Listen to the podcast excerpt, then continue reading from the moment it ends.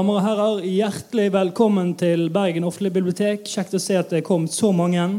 Eh, vi er her for å bivåne denne samtalen mellom den tyske forfatteren eh, Norman Aaler og hans norske oversetter Espen Ingebrigtsen. Eh, Espen skal få lov å introdusere hovedpersonen selv, så jeg sier bare lykke til og god fornøyelse. Takk for det, Erlend. Og velkommen alle sammen til denne samtalen med Norman Aaler. Jeg jeg da oversatt boken hans eh, 'Der totale Rausch, Drogen im Dritten Reich' til eh, norsk, som akkurat denne uken er kommet ut på Spartakus forlag. Og vi gjør det sånn i dag at vi skal snakke engelsk. Norman Aaler, født 1970, er en tysk forfatter. Han gikk på Hamburger journalistenskole og har vært forfatter i over 20 år. Han har skrevet en rekke romaner, og boken hans 'Der totale Rausch', eller 'Hitlers rus folk og fører på dop', som han heter, kom ut i Tyskland i september 2015. Boken ble mottatt eh, med veldig positive reaksjoner. Den har blitt rost for sin grundighet, den har blitt rost for sin originalitet, og den har blitt rost for den, eh, det store tilfanget av kilder som er brukt, og de nye innsiktene som fremkommer i boken. Boken utkom i en engelsk utgave i forrige uke og har allerede blitt en bestselger i England. I løpet av ett år har den blitt oversatt til 20 språk. Og eh, alt tyder på at denne boken eh, kommer til å fortsette å vekke oppsikt over hele verden. So, Norman Ohler, I'm glad to welcome you here in Bergen. Thank um, you. Thank you. Let's just Tusen. Let's just uh, start with uh, the topic of your book. I mean, drugs and Nazi Germany. It's not two words that very often occur in a book title or in, a, in the same sentence, even. What kind of story are you actually telling? Well, for me as a German, it, I never I never connected Nazis and and drugs uh, until um, a friend of mine, a DJ in a in a Berlin club, told me one morning after spinning records the whole night that he had had this vision that uh, there was a, a huge uh, drug abuse in Nazi Germany. And somehow I, I, immediately believed it because I thought it was more than a vision. He's also he also knows uh, this guy also knows a lot about German history. So I started Googling a little bit, and I found that there was a little bit of research already been done. Um, and I decided to, uh, I was looking for a topic for my next book. And I had always wanted to write something about Nazi Germany. I thought this is the perfect topic. So in the beginning, I wanted to write a novel about it. And um, I still, I wanted to do research. I wanted to know exactly what, what is going on. And I went to several archives uh, in Germany, Federal Archive uh, in Koblenz, in Freiburg, the Military Archive of Germany, and then I went to the National Archives in the United States, and I discovered that actually drugs were a very important part of Nazi Germany. Uh, that the civilian population was using a lot of pervitin. This is uh, what we have here, which is methamphetamine. That the German army was using it uh, in in the Second World War in in, in their so-called Blitzkrieg. And I also found that uh, the high ranking officials, uh, including and especially uh, Hitler, was taking a lot of drugs. And then I was discussing with my publisher that maybe it should not be a novel because the facts are just were just uh, too astonishing, actually. And we decided to that I should write a nonfiction book. Yes, thank you. Um, but uh, you've already mentioned it. Uh, there is a history before the war there is a history of drugs in Germany that starts uh, around uh, the start of the century. Uh, and uh, can you tell us a little bit about the general climate in Germany and in, uh, in relation to the, to the consum yeah. consummation well, of drugs? In the beginning, I wanted to start the book in 1933. This is obviously the year when the Nazis took power in Germany, and I worked closely together with Hans Mommsen, who is the leading historian on National Socialism in Germany, he said, no, you should start earlier. You should examine the role of drugs in general in Germany for the German uh, economy. And um, it's quite interesting, in fact, because most of the drugs that we know today, like heroin, um, cocaine, um, even MDMA, um, and crystal meth, they, they were all once German products. And uh, this, is, this is quite unusual. For example, heroin was a product of the German company Bayer. They were marketing it uh, even for children when they couldn't sleep. Uh, they, they thought heroin is. Yeah, we all think it's funny now, but I don't know how these children. They probably really liked it. Um, there's a lot of curious facts. For example, with the heroin, it was developed by a chemist called Hoffmann 10 days after he had discovered aspirin. So the same person has discovered heroin and aspirin within 10 days, chemist working for Bayer. Bayer. So Bayer obviously was a very happy company. And in the beginning, they didn't know would it be heroin or would it be aspirin that would make them really wealthy. And in the end, I suppose it was uh, as aspirin. You, you have this? Aspirin. Aspirin. Yeah.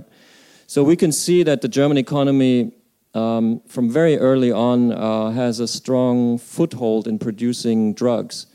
And um, the first time this comes to the cultural forefront was in the so called Weimar Republic, which was the 20s in Germany which are known as the golden 20s. Berlin was the crazy city, as it is today, maybe, uh, of experimenting with drugs and of nightlife. And people from all over Europe would travel to Berlin in the 20s to buy drugs and have fun, just like now, I guess.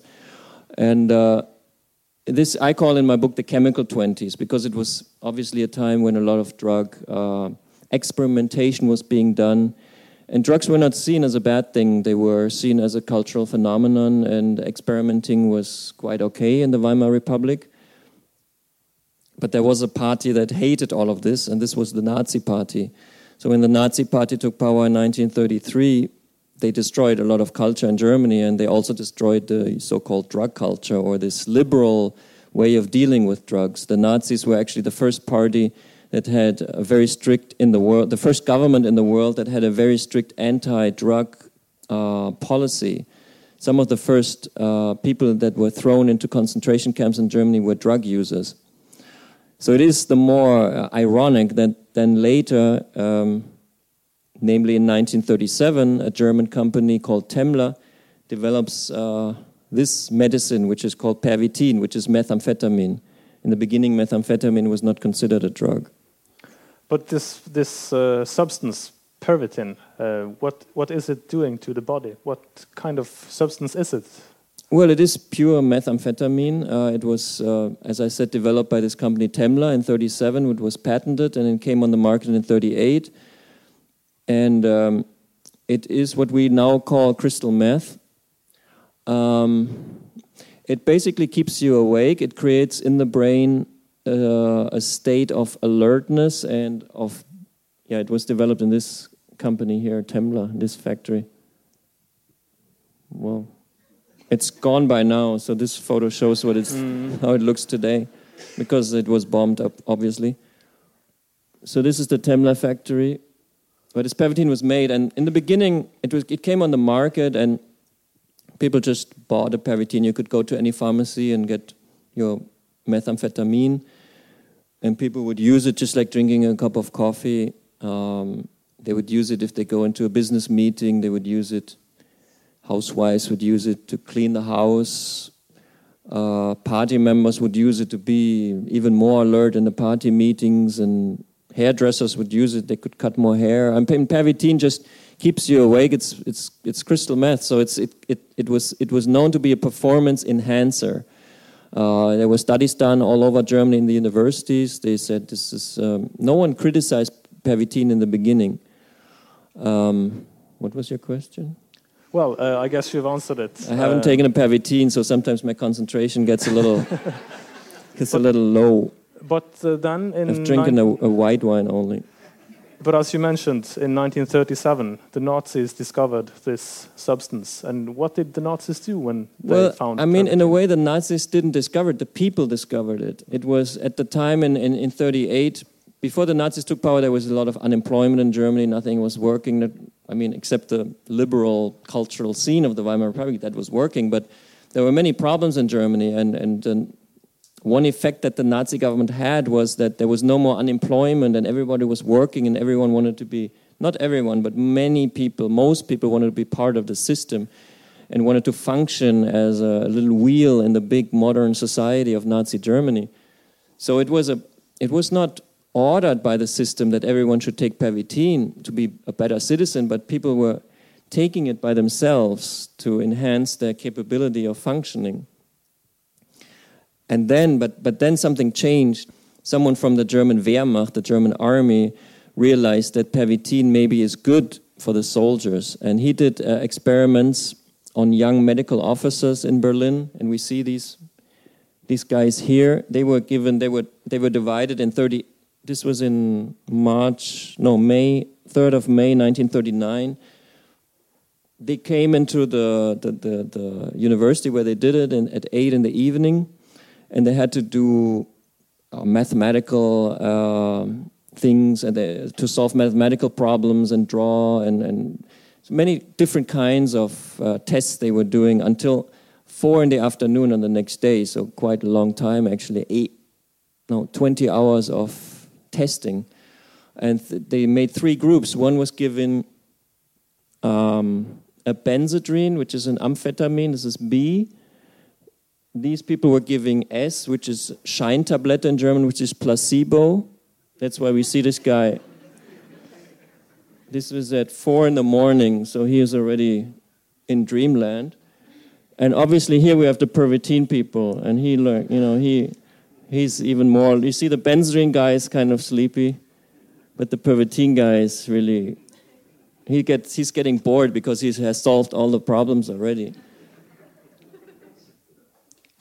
But so Ranke, the professor, just to, to sum it up, the professor who did these tests, he realized pervitin. His conclusion was pervitin is a militarily valuable substance. But the people did get smarter. They could work longer, but they didn't get smarter.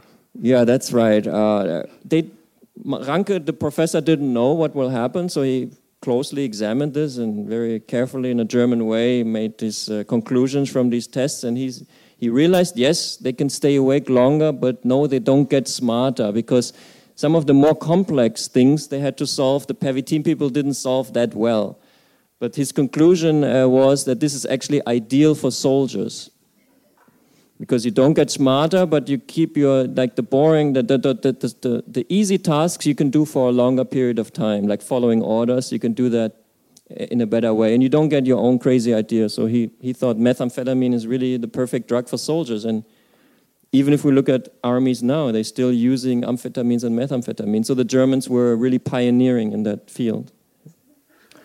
And then in 1939 and 1940, Pervitin was a, to a very large extent used in the blitz against Poland and France. Yes, yes. How how, uh, how big was this uh, operation, or how, uh, which uh, dimensions do we talk about?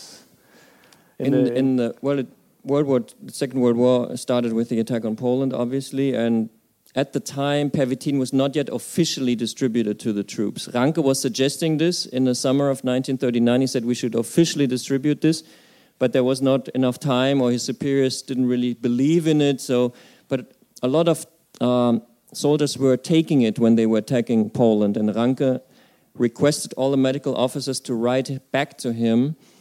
You can see all these photos in the book, basically. Yeah, you can, you can really.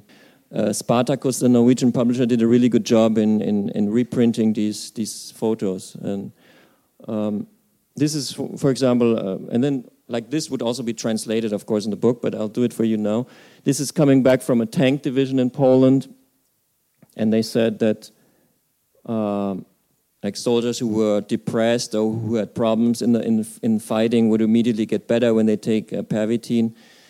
I, I found uh, dozens, hundreds of these reports in the military archive in Freiburg, and um, and Ranke obviously had these reports firsthand, and he then was able to convince his superiors that before the attack on France in May 1940, Pervitin was officially distributed by the Wehrmacht.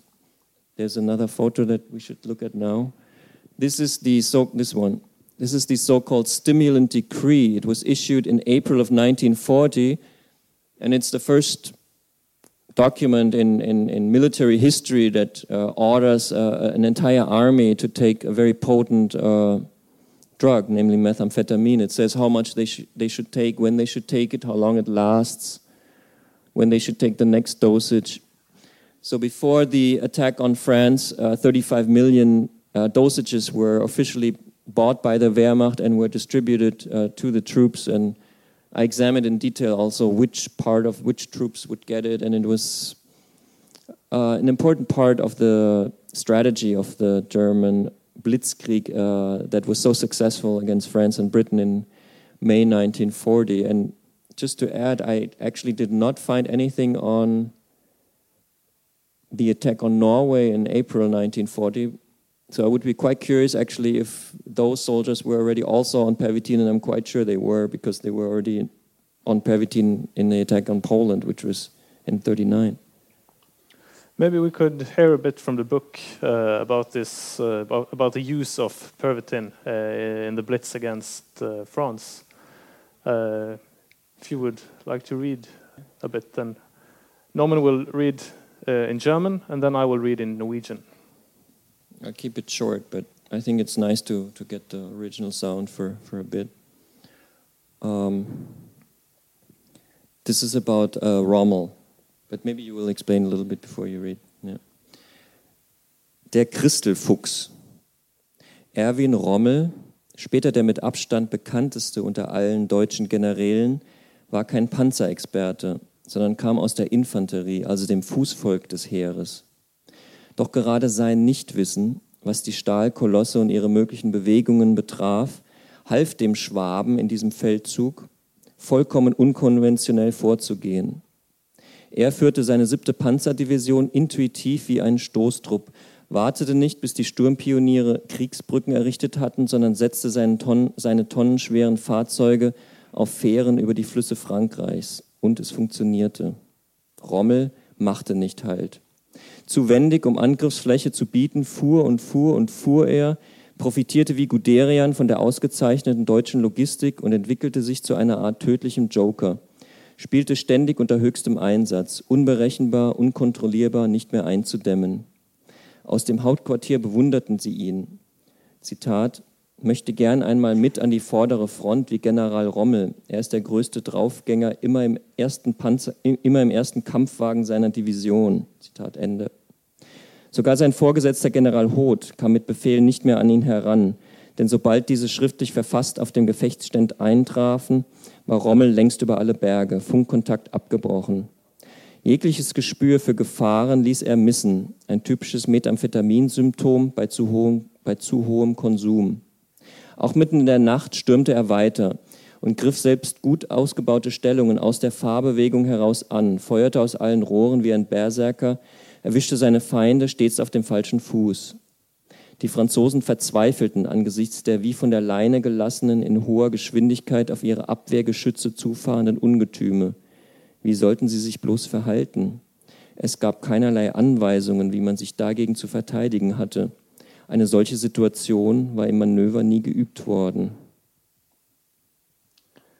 Ja, dette er da om uh, general Erwin Rommel, som uh, også var kjent som Maybe, maybe I say something before because when I studied the war diary by Ranke, who was pushing the Pervitin to the Wehrmacht, um, I could I could I could read a lot about him going uh, when he was at the front in France that he uh, meeting with Rommel's uh, highest medical officer. And uh, Rommel was one of these divisions that was using the most of the Pervitin. And if you look at um, the Blitzkrieg advance, it was these tank generals, Rommel and Guderian, who were leading uh, the German army into France. And they were especially consuming uh, huge amounts of methamphetamine. Rommel var da kjent som ørkenreven. Krystallreven.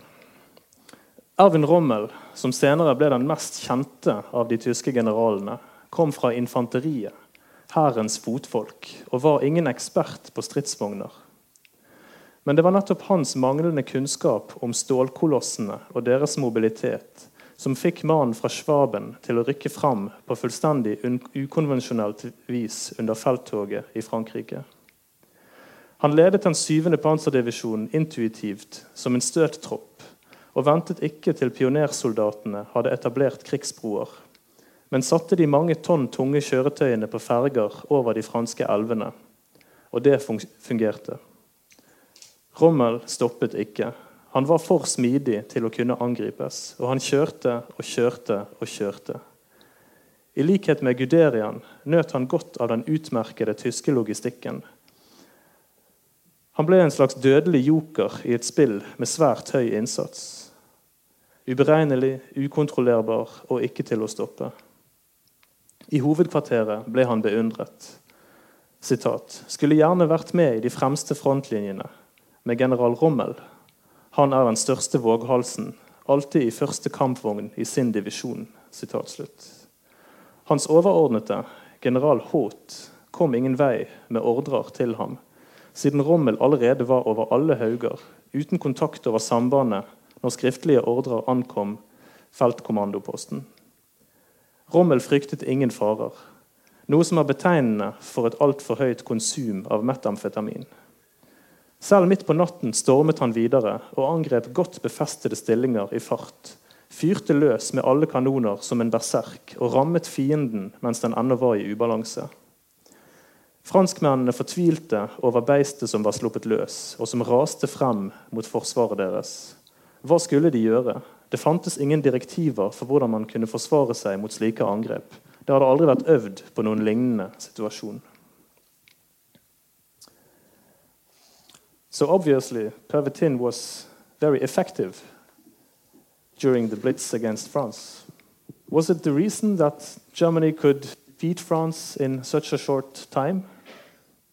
Well, we don't know what would have happened without Pervitin. Um, but the military strategy of the so called Blitzkrieg in France was that the, the, German army would go through the Ardennes Mountains. And um, this because the French and the British were expecting Germany to attack farther north in, in Belgium, in northern Belgium. So the, the, the idea was to go through the Ardennes Mountains and reach uh, the, the, the French city of Sedan within three days and three nights. And when this plan was being uh, made by, it was suggested by Guderian and Manstein to Hitler in, in February, and, and Hitler loved this idea.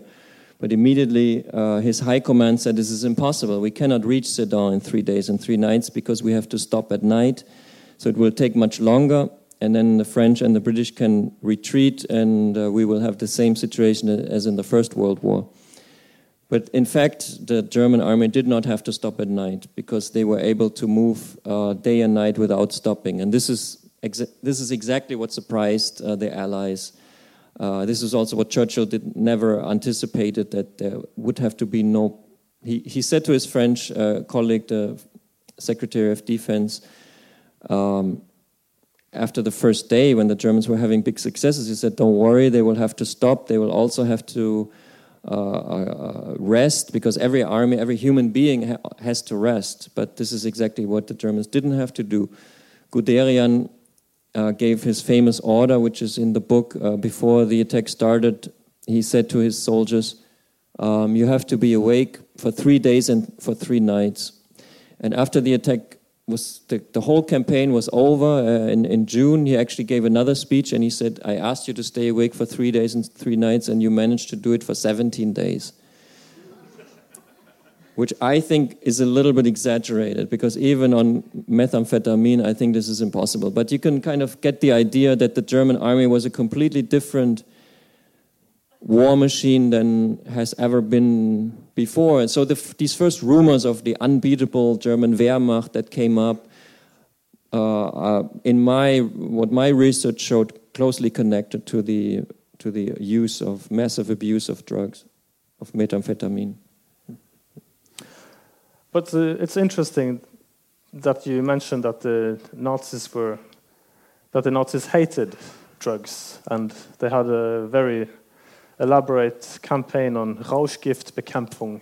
Uh, but uh, they were obsessed with the Reinheit des Blutes, the purity of the blood. Uh, but still, the history, the biography of, of Hitler shows something else, because uh, even though Hitler was presented as a super, almost supernatural human being that didn't uh, take any. Uh, he didn't smoke. He didn't drink coffee. He di- hardly drank uh, alcohol. Uh, didn't touch women. Um, this was the i- the ideal that the Nazis uh, tried to present. Yes, it's a huge contradiction between the Nazi ideology and the reality of uh, a modern society, and especially a modern society in a, in a competition such as a war is, where, where, where ideology. I mean, the Nazis always projected themselves as being so so successful because the ideology is so strong. Uh, but in fact, if you look at it, uh, the the army was high, and, and also Hitler was using uh, quite a bit, which we probably might talk about later or now. Or yeah. Because that's a that's an important part of your book. Uh, Yeah. The the the drug career of of Hitler himself. Yeah, can you can you tell us a little, little bit about that? Well, I mean, it's the whole third part of the book, which I consider the, which for me was the most fun part of, of writing in a way, because it, uh, I could, I could use the notes of uh, Dr. Morell, which was the physician of Hitler, and um, his notes can be found in the Federal Archives in Germany in Koblenz, and also in the Institute for Contemporary History in Munich, and they are very, very detailed, describing what he gave Hitler every day. And um, these two people met in 1936 when Hitler um, was suffering from stomach cramps, as, as he was very much suffering at the time, and Morell was, was able to cure them. And then Hitler made Morell his personal physician, and the, the two men basically spent every day together until April 1945 when Morell was, was fired from the bunker. So there's no person that was closer to Hitler than uh, his personal physician Morell. And um, I mean, I could tell you the whole third part of the book. It's, uh, but Nietzsche said once the book is out, the author should be quiet. So I don't, I'm not sure what to do. But uh, even though Hitler was presented as a human being who spent his whole life fighting for the German uh, people, uh, the truth is that, that he was uh, very, uh, very much uh, obsessed with his own health. And he uh, took a lot of substances. Substances. Yes, I mean not, it's not really drugs, it's, it's really surprising if you if you look at uh, what what what he took. I mean, the first thing we can see is that Hitler really loves to get injections, and Morell really loves to give injections, and so these they were a good match. And um, Morell was famous for being he was the first doctor actually uh, uh, in the world, I suppose that understood that vitamins are very good for the body. Because at the time this was not so known, but Morell was a vitamin freak. So he would give all of he had a, he was like a celebrity doctor in Berlin before he met Hitler. He had like famous actresses and sports people. They would all come to Morell and get a very strong dosage of vitamin C and B and whatever injected into the veins. And apparently, I've never had the pleasure of having such an injection, but actually know one person who had, have, has had this, and he said actually you feel immediately more awake, and if you have a cold, it will be gone immediately. So Hitler also had these vitamin injections in 36. He started, and um, he was always afraid that he wouldn't be um, up to like he, that he wouldn't be he was always afraid to get sick and, and because he's the he was the Führer so he always had to do everything basically. So he couldn't stay in bed or he couldn't if there was a speech of course he had to be uh, there and talk to 300,000 people. So it's he would always take he would take more and more of these vitamin injections and also glucose which is uh, like an energy boost which is i mean in a way I don't know if it's unhealthy. Uh, it was just it just started uh, a weird process that um, that changed in 1941 uh, when um, the war against the Soviet Union was running into its first uh, major problems, and Hitler got quite ill for the first time since he met Morell. In 41, he got ill and he had high fever and he couldn't go to the military briefing, and he asked Morell to give him something that would immediately send him back on track. And Morell then starts using for the first time, starts giving him a hormone injection. Um, uh, and, and from that day on, we can see in Morell's notes that Hitler takes a lot of hormone injections and steroid injections. So he becomes like a weird kind of performance athlete that always gets kind of doped up with these uh, what what athletes would take today or maybe bodybuilders take to be like more you know fit or something. So Hitler turns from turns into turns into turns to these substances and and still gets like uh, up to two injections a day, which is a crazy amount. I mean, if you look at from 36 to 40, end of 44, um, two injections a day. And there's not every injection is documented by Morell. Sometimes he just misses out a day, and we don't know what he gave on that day. But there's uh, over a thousand days are meticulously recorded, and we can see that Hitler takes over I think it's, I mean, not, I think it's in the book. It is in the book, and they're all named. I think it's like 86 different uh, medicines that he takes. And then in 43, he takes for the first time a very strong opiate, which in German is called Eukodal, which in English I never know how to pronounce it, but it's similar to heroin. And um, William Burroughs uh, also used this Eukodal, and he said it's the perfect drug. It makes you feel high, like on cocaine and heroin at the same time. So it's it doesn't make you sleepy. Maybe I, I don't know. I've never taken heroin, but it it, it has a, a it makes you euphoric. So you take Eukodal and you feel you're full of energy, and this became Hitler's favorite drug. So he, we can see that in the September of 1944, for example, there's a very good document about that month. He takes 20 milligrams of Eukodal every other day, which is kind of a, a junky rhythm because you take this very strong dosage. It lasts for like 20 hours, then you come down and you have to relax, and then next day you take it again. So really, we really don't see a sober person if we look at Hitler in, in the later phase of the war. But surprisingly, I mean, there has been so many biographies about Hitler, but no one has looked into these material before. No one has looked into uh, Dr. Morell's uh, diary in a systematic way. Well, there is one biography on Morell which was published in Germany in the 60s, and it's really badly written, and no one read it, so this was kind of forgotten immediately again.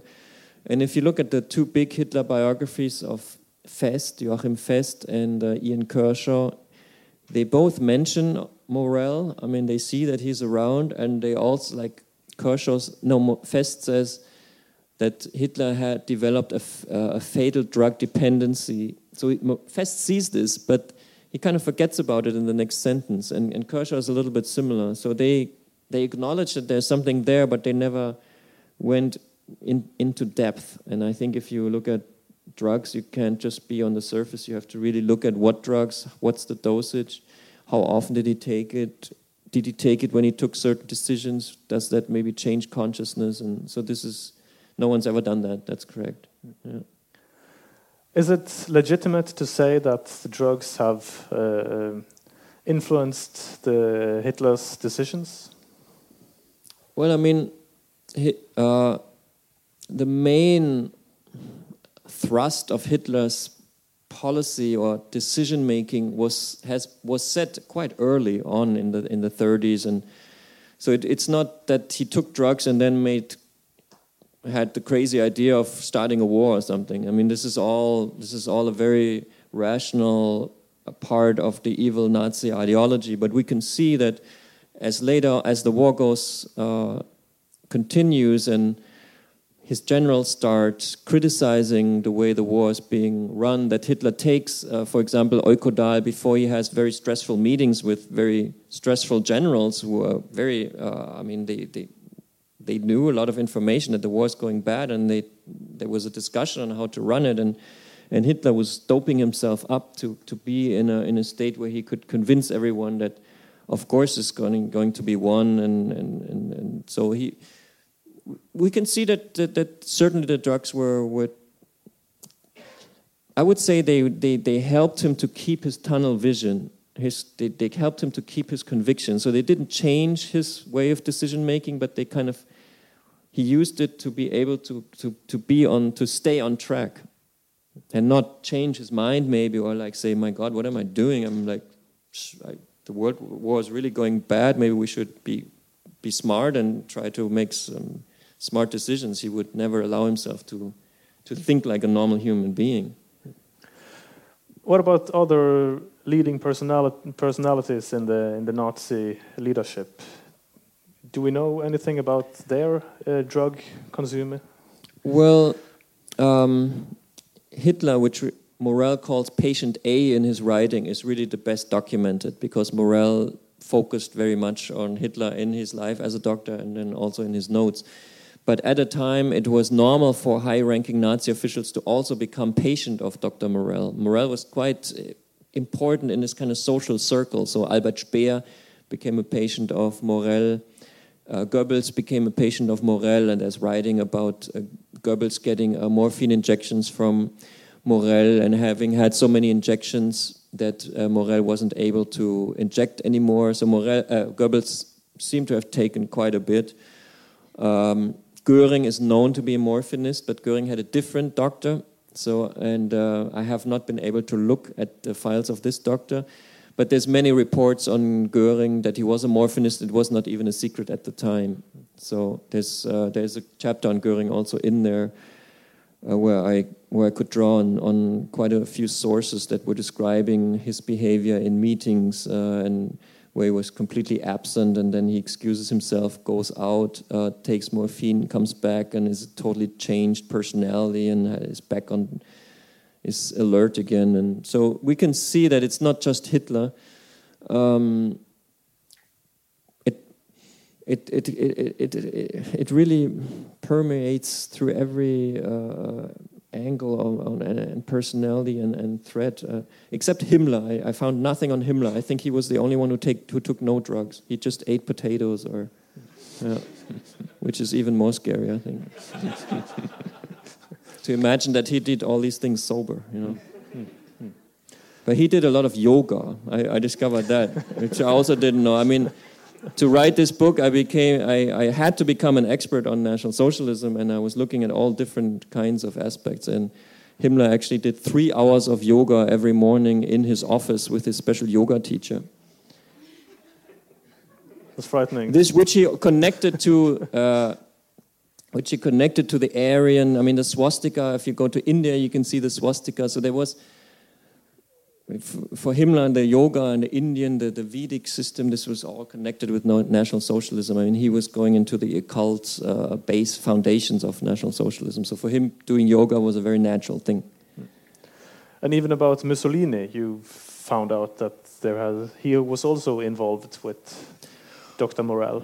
Yeah, that's very interesting. I mean, if uh, uh, once uh, Mussolini became the head of this kind of puppet uh, northern Ital Italian Republic in 43, he was put under the surveillance by the Germans of a German doctor from the German embassy in Italy, and this German doctor was writing weekly reports, sending them through the embassy back to Morell, uh, telling what how is Mussolini doing, and is he has a cold, so Morell would advise that he should take uh, maybe Eukodal. So you can see that uh, actually this the fascist axis, Germany, Italy, was also working on a pharmacological uh, foundation. But the use of drugs in Nazi Germany is, we, as you said, permeating the whole system. Uh, and also on the lower levels, we find some quite scary uh, experiments that were conducted uh, on concentration on, on prisoners in concentration camps that, has, that was really shocking to read about. Um, can you tell us a little bit about uh, what you discovered about the so-called shoe runners commando in the concentration yes. camp uh, Or Oranienburg? Yeah, uh, also this was, I mean, I worked closely to, did I mention Hans Mommsen already? The, yeah, I did, okay, thank you. When I showed him these uh, uh, findings, he said I, that he'd never heard about this before, and also I had never heard about this before, but um, I was informed by someone working for the current German army, the Bundeswehr, um, a high-ranking officer. He's a, a, scholar in this. In, in he, he, he's a his, historian, and and he has uh, uh, discovered that the German Navy um, in 1944, and this is very well documented, and um, I, I, I, I worked with all these documents uh, from from the archives. He pointed to the place where they are uh, the German Navy in 1944 was try- trying to develop um, a super drug, a wonder drug, a drug st- uh, stronger, much stronger than methamphetamine, because at the time the uh, sea battle against Britain was basically lost. I mean, all the German big ships had been sunk, and the last straw of hope for the German Navy were mini submarines. Uh, they developed U boats that were driven by one person and um, the idea was that they should go uh, to the Thames and, and to, to England uh, unnoticed and uh, send to, uh, uh, and sink the British and the American big ships with torpedoes. And these were manned by one person, sometimes two people, and they had to stay awake for five days and five nights, which was impossible with pervitin because that only keeps you awake usually for three days or two days. So they did experiments. Um, they developed 10 new drug combinations, D1 to D10. And um, then they were testing it, um, in fact, in the concentration camp of Sachsenhausen. Um, Sachsenhausen is a concentration camp um, about 40 kilometers north of Berlin. And they had a Strafkommando, which is, uh, how would you say that in Norwegian? Strafkommando. Straffekommando. Okay. I, I suddenly speak Norwegian. Maybe I did take a pervitin. And uh, so in the Strafkommando, um, they had a Strafkommando where prisoners who did something wrong in the concentration camp, they were punished. And they had to be part of this, the so-called shoe runner commando. And they had to test shoes for the German shoe industry. So these inmates had to walk and test these shoe uh, uh, uh, sole, soles, of shoes. And um, then they were looking and and then when the Navy wanted to test their super drug, they, they gave the they gave the shoe uh, running commando um, different combinations. Um, and they try to find out which is the best drug, which which one lets uh, inmates walk for the longest uh, period of time and they discovered that actually um, the most successful was a cocaine laced chewing gum. And then that's what they decided upon. This was most successful in the concentration camp. There was one, uh, inmate that walked uh, 96 hours without stopping on this cocaine. Yeah, I know it's not funny, but it's it's kind of bizarre. I must admit. And it's very dark. This was the very darkest chapter I was working on, and um, yeah, then these um, uh, sailors, 18, 19 year old uh, guys who were getting these cocaine chewing gums and then going in their mi- mini submarines in uh, April still of 1945 trying to, to win the war for Germany, which obviously didn't work. There's many of them sank, and be- there's many reports of them where the, the instruments in front of them uh, they can't read them anymore, and they hear music, and they think they're already back in Berlin at the Victory Parade, but actually they're like diving down in the in the Atlantic. So it's it's quite bizarre. Reports came back from these missions. There is so much in this book that has surprised me. Um, you have found out really a lot of new stuff about uh, the Nazi eh, period. Um, what what did you not bring into the book? What kind of discoveries did you do that didn't fit into your to your story? Well, I mean, I must say, I, I, put everything in that I found in relation to drugs. So, I mean, why would I leave anything out? Uh, but I mean, I found out many things that had no relation to drugs that I had to learn. I mean, when I wrote about the shoe running commando, I, I, studied a book which is called The Shoe in National Socialism. It's a thousand pages long, and it gives you everything about the shoe in Nazi Germany. So, I mean, many things I learned also I did not put in the book, but everything I found out about drugs and Nazi Germany is is in the book because I thought it's all relevant.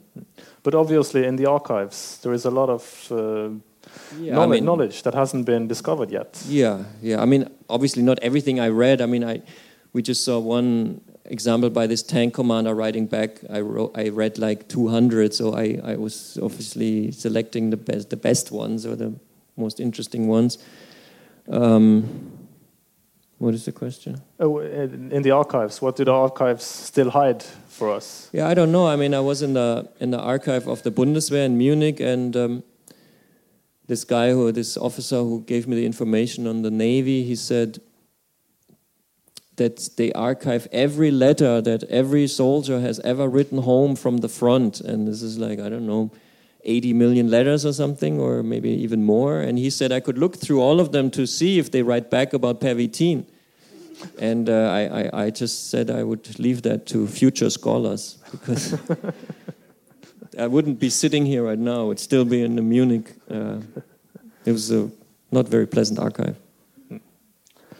But maybe we should hear a little bit more from the book. Maybe we should hear, hear something about uh, Hitler as a more or less junkie. Yeah, this chapter is- entitled Der Reißverschluss, which in Norwegian is the- Yeah. Do you say this also in Norwegian about? Yes. Yeah. Okay. Oh, I- I'm not quite sure actually. I'm not that in, that deep into to junkie terminology. Well, in German, we say if someone has so many injections that um, there's crusts, and they, like you have a crust, and then there's a good spot maybe, and then I've actually never seen this, but it's called the Reißverschluss. Yeah, so Glidelåsen. Hitler had this Reißverschluss because he got so many um, injections in 44. Uh, so I'm going to read a little bit about der Reißverschluss. Während die Rote Armee im November 1944 immer weitere Ortschaften in Ostpreußen eroberte, zeigten sich Hitlers Adern so lediert, dass selbst der Spritzenexperte Morell sie kaum mehr penetrieren konnte. Die allzu, allzu häufig perforierte Venenhaut entzündete, vernarbte, verfärbte sich bräunlich. Morell musste innehalten. Zitat: Von Injektionen sah ich heute ab, damit die seitherigen Stichstellen gut abheilen. Linke Armbeuge gut, rechte zeigt noch rote Pünktchen, aber ohne Eiterpusteln, wo Einstiche waren. Führer meint, dass dies früher nicht der Fall gewesen sei. Es krachte regelrecht, wenn Morell in diesen Wochen einstieß. Jeder Durchstich verursachte eine neue Wunde, die sich an die vorige anschloss, und es entstand eine längliche, wachsende Kruste, der charakteristische Reißverschluss der Bahnhofsjunkies, wenn ein Einstich sich an den nächsten reiht und sich eine unschöne Linie bildet. Selbst Hitler wurde allmählich nervös und machte sich Sorgen, was die Injektionsinflation mit ihm anrichtete. Zitat beim intravenösen Einstich glaubte der Führer, ich reibe die Stelle nicht genügend lang mit Alkohol ein. Ich täte dies immer zu kurz. Und deshalb bekäme er in der letzten Zeit an der Einstichstelle oft ein kleines rotes Pustelchen. Zitat Ende. Doch Morell hatte eine andere Erklärung für die Beschwerden parat.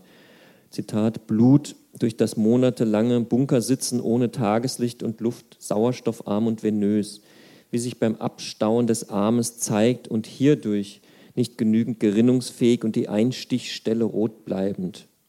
Hitler blieb misstrauisch. Zitat, Führer führt dies trotzdem auf Bakterien zurück und meint, vielleicht bekäme er überhaupt durch die Injektionen Bakterien in den Körper.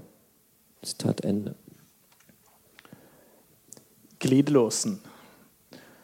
Da Den røde armé begynte sin invasjon av Øst-Prøysen i november 1944, var Hitlers blodårer så skadet at selv ikke injeksjonsmesteren Morell var i stand til å sette sprøyter i dem. De altfor ofte penetrerte venene ble betente og arret og antok en brunlig farge. Morell måtte ta en pause. Sitat. I dag unngikk jeg injeksjoner, slik at de tidligere stikkestedene kan leges. Innsiden av venstre albue er bra. Høyre har fortsatt små røde prikker, men uten verkebyller, der det har vært stukket. Føreren mener at det ikke har vært slik tidligere. Sitat slutt. I disse ukene var Morells sprøyter årsak til at flere ting regelrett revnet. Hvert stikk laget nye sår ved siden av de som allerede var der. Det vokste fram en avlang skorpe som lignet på den glidelåsen som dagens heroinjunkier får av sprøytestikkenes uskjønne sårrekke. Selv Hitler begynte å bli nervøs og bekymret for hva det økende antallet injeksjoner gjorde med ham. Sitat. Ved intravenøst stikk trodde føreren at jeg ikke hadde gnidd inn stikkestedet tilstrekkelig med alkohol. Det var angivelig noe jeg alltid gjorde for fort. Og av denne grunn hadde han i det siste fått en liten rød kvise. Men Morell visste om en annen forklaring på problemet. Sitat. Etter måneder i bunkeren uten dagslys og frisk luft er blodet fattig på surstoff og venøst, noe som viser seg når armen stases opp. Blodet koagulerer ikke raskt nok og gjør stikkestedet rødt. Sitat. Hitler var derimot mistroisk. Sitat. Føreren forklarer det med bakterier og mener at det er injeksjonene som gir ham bakterier i kroppen. Jeg leser litt videre, så får vi hele sammenhengen. Morell følte seg presset og ville ta en pause fra sprøytene. Men Hitler avfeide betenkelighetene hans og viste sine aggressive sider i full styrke. Til tross for ubehagelighetene som de utallige stikkene påførte ham, sluttet ikke føreren å forlange mer. Han tok imot livlegen med en kommentar om at han ikke trengte behandling, behandling kun en ny injeksjon. Sitat Morell. Klokken seks om morgenen. Jeg må straks møte hos pasienten. Er der etter 20 minutter. Føreren hadde jobbet hele natten og måtte ta en tung avgjørelse som hadde hisset ham opp. Opphisselsen hadde økt i styrke helt til krampene tok ham, slik de alltid gjør ved store sinnsbevegelser. Han ville ikke undersøkes, siden det bare ville øke smerten. I all hast blandet jeg en kombinert injeksjon med Eupaverin Eukodal og injiserte intravenøst noe som var riktig vanskelig pga. alle stikkene den siste tiden. Jeg gjorde nok en gang oppmerksom på at vi måtte skåne venene for en periode. Selv om jeg måtte ta en pause under, under injeksjonen, inntraff avspenning, og smerten forsvant. Føreren var svært lykkelig og tok meg takknemlig i hånden. 20 minutter mellom telefonoppringning og utførelse. Enhver rusavhengig kan bare drømme om en så effektiv dealer. Samtidig, samtidig satte Hitler stor pris på livlegens vedvarende tilgjengelighet. Og 31.10.1944 var han full av lovord over at han citat, fikk umiddelbar helbredelse ved rask inngripen i går morges.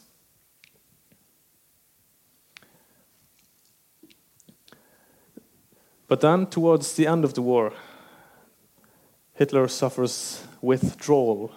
The, he, he runs out of drugs. Well, the British at one point started bombing also the pharmaceutical um, factories in Germany, and in December 44 they bombed a factory that produced Eukodal. And I don't know if that was the reason, but Morell does not have our Eukodal uh, available anymore uh, in, in 1945.